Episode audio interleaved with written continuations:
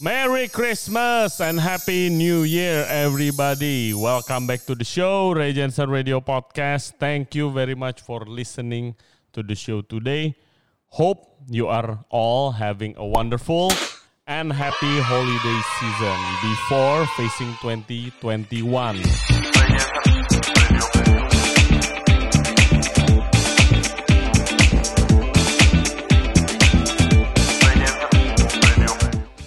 Ah guys, today is a really uh, special episode karena di sini gua sendiri lagi. Jadi this is the story of the podcast this year. Itu banyak banget guest cancellation because of the virus and everything else. Banyak guest yang nggak mau ketemuan atau banyak guest yang sakit juga ada. But today kita tadinya mau ada special episode buat kalian ngundang chef yang lumayan terkenal dan juga dia khususnya terkenal di anak-anak jebolan Trisakti. Spoiler alert, tapi ternyata dia ada family emergency. So chef, hopefully everything goes well and semuanya berjalan lancar dan semuanya cepat sehat. Oke, okay, so guys, uh, this episode uh, ini sendirian gua aja yang ngobrol sama kalian. Which is enggak kalian dengerin gua ngebacot di sini. Kita akan ngomongin tentang 2020 this year, one hell of a year, crazy year yang diawali dengan banjir kemarin bulan Januari tahun ini kalau kalian masih ingat. Dan juga of course coronavirus, banyak restoran-restoran yang tutup dan kalian-kalian yang Berdasarkan research, of course, uh, mainly listeners kita itu orang-orang pekerja di restoran dan bar bisnis, banyak yang kehilangan pekerjaan. I'm sorry to hear that, tapi hopefully the story yang gue alamin itu bisa apa yang memberikan inspirasi dan juga menghibur kalian secara bersamaan dan jadi punya semangat baru untuk face next year 2021 yang masih uncertain lah. Jadi kita kemarin sempat udah naik, kalian semua tahu bisnis sudah mulai picking up, orang-orang udah berani keluar, tapi ternyata ada peraturan baru, itu kita harus tutup jam 7, khususnya di tanggal merah. Dari itu juga mengacaukan semuanya lagi. Oke, okay, so anyway, this year itu buat gue personally has been a really amazing year in both positive and negative way.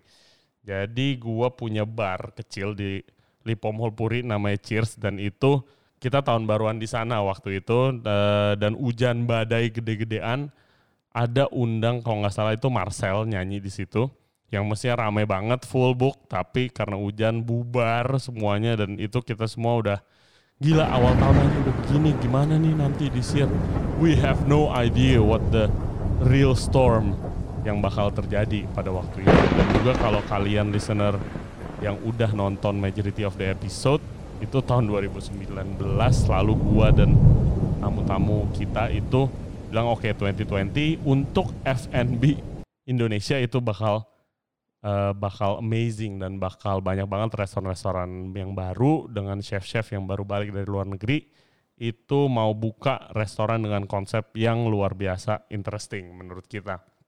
But ternyata Tuhan berkata lain lah kasarnya gitu kan. The coronavirus hit, which is itu pertama fish dari kita waktu banjir itu kena basementnya.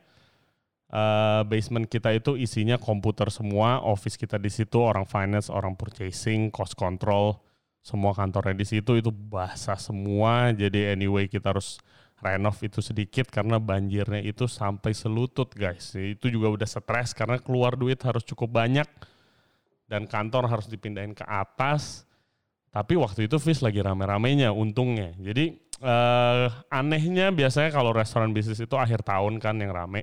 Tapi Fish itu akhir tahun kemarin biasa aja. Dan Januari itu mulai naik, rame terus setiap hari. Dan kalau yang udah pernah ke Fish di Gunawarman itu pasti tahu di depan di depan depannya itu area makannya itu ada kitchen. Dan kitchen itu biasa dipakai untuk guest chef doing pop up menu baru atau biasa collaboration sama gua. Dan yang terakhir itu adalah chef Saskira Rosano. Sorry chef Saskira Rosano itu bikin pop up pakai menu dia which is dia udah datang ke podcast juga. Dan itu very successful. Gue inget dia undang temen dia yang art artis yang ngerjain lukisan, and uh, all that fancy art stuff dan itu dijual di sana dan laku amazingly semuanya harganya puluhan juta. Itu very amazing night, rame dan kita selalu full full full with dan itu corona masuk. Corona masuk pertama itu di restoran juga Amigos kalau nggak salah ya kan with all that uh, dancing stuff. Dan itu kita masih nggak peduli, oke okay, corona masuk gimana sih, tapi waktu itu gue inget banget gue langsung panggil partner-partner meeting dan staff khususnya ini kalau misalnya sampai masuk beritanya jadi gede dan ternyata parah ini sih bisa kacau nih FNB khus, uh, Jakarta khususnya gitu kan. So hey terus we're hoping for the best terus katanya juga coronavirus bakal susah grow di Indonesia karena ini negara tropis, bukan kayak di China, di Wuhan yang dingin atau abis itu di US segala macam di Milan pada waktu itu. Dan ternyata salah semua gitu. Corona meledak dan waktu itu Fish lagi rame banget. Kita lagi, uh, eh, gue dan teman-teman chef gue lagi nongkrong di Fish. Kita lagi minum-minum, santai, as usual. Fish lagi full, everything is good. Terus tiba-tiba ada WhatsApp, oke, okay, ini ada yang positif satu di gym di daerah Senopati Habis itu waduh udah masuk besok gimana ya. Dan itu dari full full full uh, kebetulan teman-teman chef gue juga kebanyakan punya atau kerja di restoran di daerah Senopati situ. Besokannya itu kosong. Gue ingat salesnya nol kayak tiga atau empat hari berturut-turut lah. Dari full habis itu langsung nol. Segampang itulah with the flick of the finger.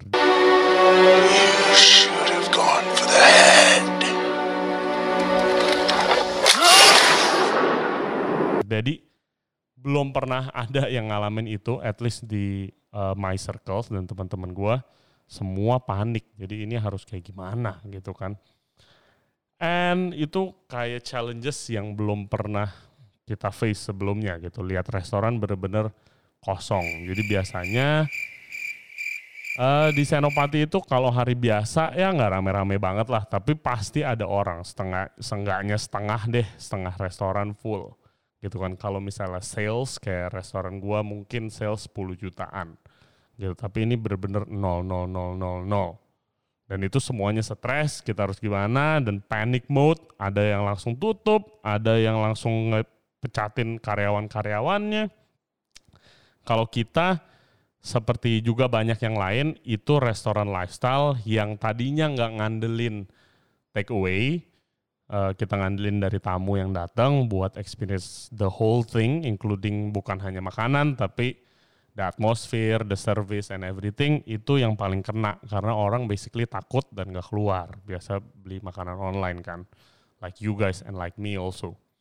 Jadi kita coba bikin uh, menu take away dari rice bowl rice bowlan. Restoran kita restoran modern Indonesia. Jalan sih, tapi itu nggak nutup operational cost Little operational cost kita like any other restoran itu lumayan besar disewa dan lokasinya lokasi premium pula. Terus uh, kita punya nggak banyak tapi 30 staff. Itu bukan kitchen aja tapi semuanya. Marketing, uh, host, server, security dan segala macam ya gitu kan. Terus uh, ya basically intinya nggak nutup lah gitu loh. Terus kita like beberapa restoran juga pada umumnya itu ngekat motong gaji setengah. Terus ternyata masih mau bersedia terus habis itu tapi nggak ada tamu dan gojeknya pun nggak jalan. Jadi ya udah kita habis itu kita itu kita berjalan dua bulan dan habis itu partner-partner uh, bilang oke okay, kita tutup aja temporarily tutup sementara supaya nggak rugi lagi nih karena itu dua bulan udah rugi minus banyak gitu kan. Belum lagi banjir kemarin kita harus renov. So uh, tutup sementara And that's when I know Fish nggak bakal buka lagi basically. Jadi uh, tutup restoran sementara itu nggak segampang yang kalian pikirkan. Mungkin oke okay, tinggal tutup aja. Nggak bisa. Bahan udah full di kulkas, bahan-bahan makanan yang bakal go bad, bakal basi dan busuk kalau nggak dimakan dan itu duit gitu kan. Terus jadi mau gimana nih? Oke habisin bahan, bikin promo Gojek. Habis itu pokoknya tanggal segini harus tutup, kalau nggak bakal rugi lagi. Oke. Okay gitu. Tapi mau buka restoran itu juga ya harus beli lagi barangnya. Nah duitnya dari mana? Duitnya harus dari owner lagi. buat beli lagi barang yang bisa dimasak untuk bisa dijual. Dan itu I know I didn't get the money, my partner juga nggak tahu mereka punya atau enggak, tapi they are not willing to reinvest di F&B di situasi coronavirus yang lagi membludak pada saat itu. So basically that's when I know restoran gua itu my baby itu tutup bangkrut gitu kan. Jadi sebagai chef and chef owner itu sangat sedih. I'm totally depressed for like a week waktu itu. I think uh, mestinya lebih lama lagi tapi I thankful, I'm thankful punya great support system kayak Michelle dan teman-teman gue kayak udahlah nggak apa-apa, udah nggak apa-apa. Tapi of course as a chef pasti stress and I know kalau misalnya ada yang dengerin juga yang restorannya tutup atau kehilangan pekerjaan, itu don't be of course you're gonna be down tapi jangan lama-lama lah. You have to be strong terus abis itu not only for you tapi for your family as well and your friends terus uh, supaya bisa face the future with the right attitude. Kayak gitu. And that's what I did. Jadi basically uh, selagi itu oke okay, jadi ini udah tutup terus kita mau apa nextnya? Thankfully itu masih ada kita masih ada bar uh, dan masih ada podcast yang kita udah grow gitu kan. Coba grow lah pada saat itu dan podcast ini lumayan ada traffic lah gitu. Belum menghasilkan uang tapi uh, pada saat itu ya. Tapi ya kita ini yang ada kita jalanin. And that's what we did. Uh, kita happy the podcast grow exponentially And we are really thank, thankful for that and thank you for you guys. Ya kan. Nah, selain itu lanjut lagi cerita gue. Jadi pada saat itu uh, basically kita dua bulan itu kita rugi. Jadi nggak bisa bayar gaji karyawan. Ya kan. Terus habis itu kita di set buat tutup. Kita tutup tempo sementara, quote unquote sementara itu dua bulan. Terus habis itu kayak udah deh nggak usah tutup lagi, tinggal aja barang jual whatever gitu. Yang bisa diduitin diambil duitnya terus mau dibagi rata. Tapi ya staff ada nunggak nih bayaran gaji staff yang nggak ketutup gitu kan. Jadi oke okay, terakhir owner harus injek duit lagi masukin duit buat bayar staff yang ngutang oke. Okay. nah itu nggak ada duitnya. Amazingly gua gua di bagian gua itu gua harus transfer kayak 7 juta kalau nggak salah. Itu bagian gua untuk cover berdas bagian gue itu berdasarkan saham yang gue punya berapa persen gitu kan. Terus uh, di account bank gue cuma ada palingan kayak 3 juta pada saat itu. Dan gue stres oh ini gimana nih? Gitu bener-bener nggak ada duit mau dari mana lagi? So ya banyak teman-teman gue kayak contohnya juga Michelle juga oke okay, pinjam duit apa segala macam tapi gue kayak oh jangan dong kalau minjem lagi ntar gue ngutang lagi gitu kan. So uh, eh, gue decide buat jualan Chinese food di rumah. Jadi kebanyakan chef juga, uh, our listeners pasti juga hmm, banyak yang mulai jualan di rumah waktu itu awal bulan Maret lah buka-buka PO apa pun. Ada yang bikin kimchi, temen gue ada yang bikin sourdough. Gue personally bikin Chinese food. Karena gue tinggal di barat dan uh, Chinese food banyak marketnya lah di sini gitu kan. Terus jadi ya kita bikin Chinese food namanya work from home. Itu berjalan kayak 3 to 4 months. And it keeps me afloat lah during that time. Jadi ada duit masuk. Seenggaknya uh, waktu deadline transfer akhirnya gue bisa bayar gaji karyawan yang nunggak. Habis itu dan selain itu bar gue kan tutup juga karena mau tutup. Jadi uh, gue bisa mempekerjakan staff bar gue pada saat itu Ya, jadi itu quite uh, an interesting experience masak di rumah tiap hari dengan fasilitas yang begitu aja. Uh, tapi it keeps me afloat, gitu kan. Kalau kalian ada cerita tentang how do you solve the problem that coronavirus bring to you with your cooking, please comment uh, in the comment section below. I really want to hear your story juga. Please tell your story. Atau bisa Insta story biasanya banyak yang curhat lewat DM Instagram. Please do that also ke gua at Ray Jansen Radio. So itu the first half of the 2020 ya kan abis itu ada juga on the personal side wedding gue diundur itu juga perlu waktu like two months buat proses mundurin weddingnya sampai Desember ke bulan awal bulan kita baru married, gue sama Michelle. And itu juga uh, wedding preparation, it's the whole, itu bukan topik podcast kita, tapi I know it's a really, apa ya, interesting and challenging experience lah wedding preparation, apalagi di COVID begini, yang banyak banget peraturannya cuma boleh segini, harus ada live streaming dan segala macam ya. But anyway, itu uh, wonderful experience. Sekarang gua udah married, terus uh, memulai hidup baru di situasi begini. And thankfully our podcast juga udah grow exponentially really well.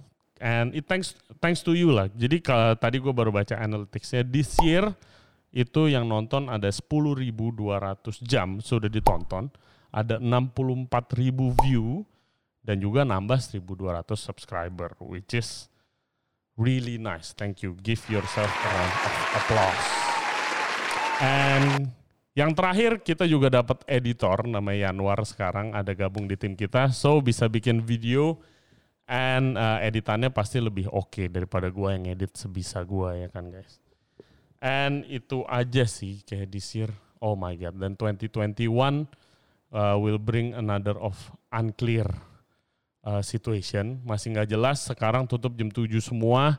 Nggak tahu bulan depan apa. Kadang-kadang Jakarta itu suka mendadak banget sih ya. Jadi kayak waktu itu gue inget ada waktu PSBB udah transisi, terus orang udah mulai rame, itu of course restoran-restoran beli bahan.